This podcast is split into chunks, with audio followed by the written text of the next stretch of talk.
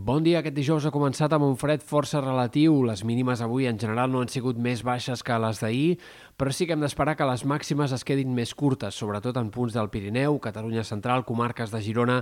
on avui el termòmetre quedarà més frenat, màximes entre 1, 2, 3 graus més baixes fins i tot que les d'ahir en aquests sectors.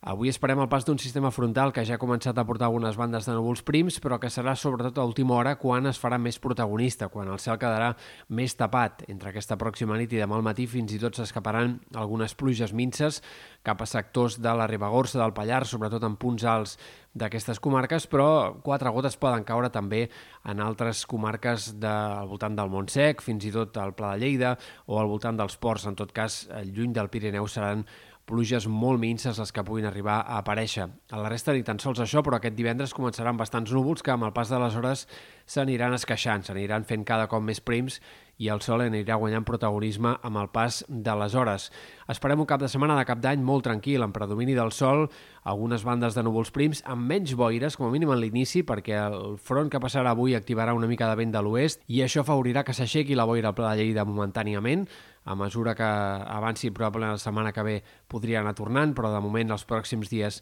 no acabarà d'instal·lar-se permanentment aquesta boira al Pla de Lleida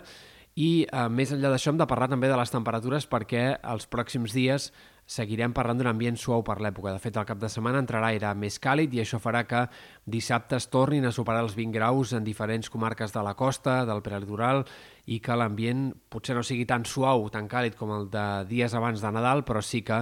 eh, clarament serà un ambient molt més confortable del que caldria esperar per un dia de canvi d'any.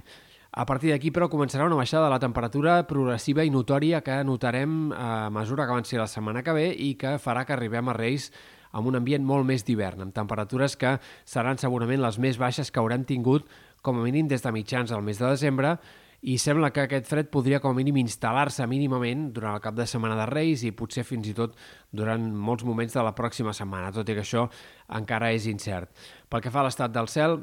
no hem d'esperar grans canvis la setmana que ve. Dilluns arribarà un altre front que pot ser una mica actiu al Pirineu, pot haver-hi algunes pluges i nevades al sector occidental de la Serlada, però la resta com a molt deixaria quatre gotes i eh, bastants intervals de núvols, això sí, i la resta de la setmana no hi ha indicis, no hi ha símptomes d'un canvi clar de temps. És possible que a partir de Reis Eh, hi hagi més variabilitat, puguin aparèixer algunes nevades o algunes precipitacions al Pirineu, però res fa pensar a hores d'ara en un canvi important de temps com a mínim fins al dia 10 o podríem gairebé allargar una mica més enllà fins i tot aquesta previsió.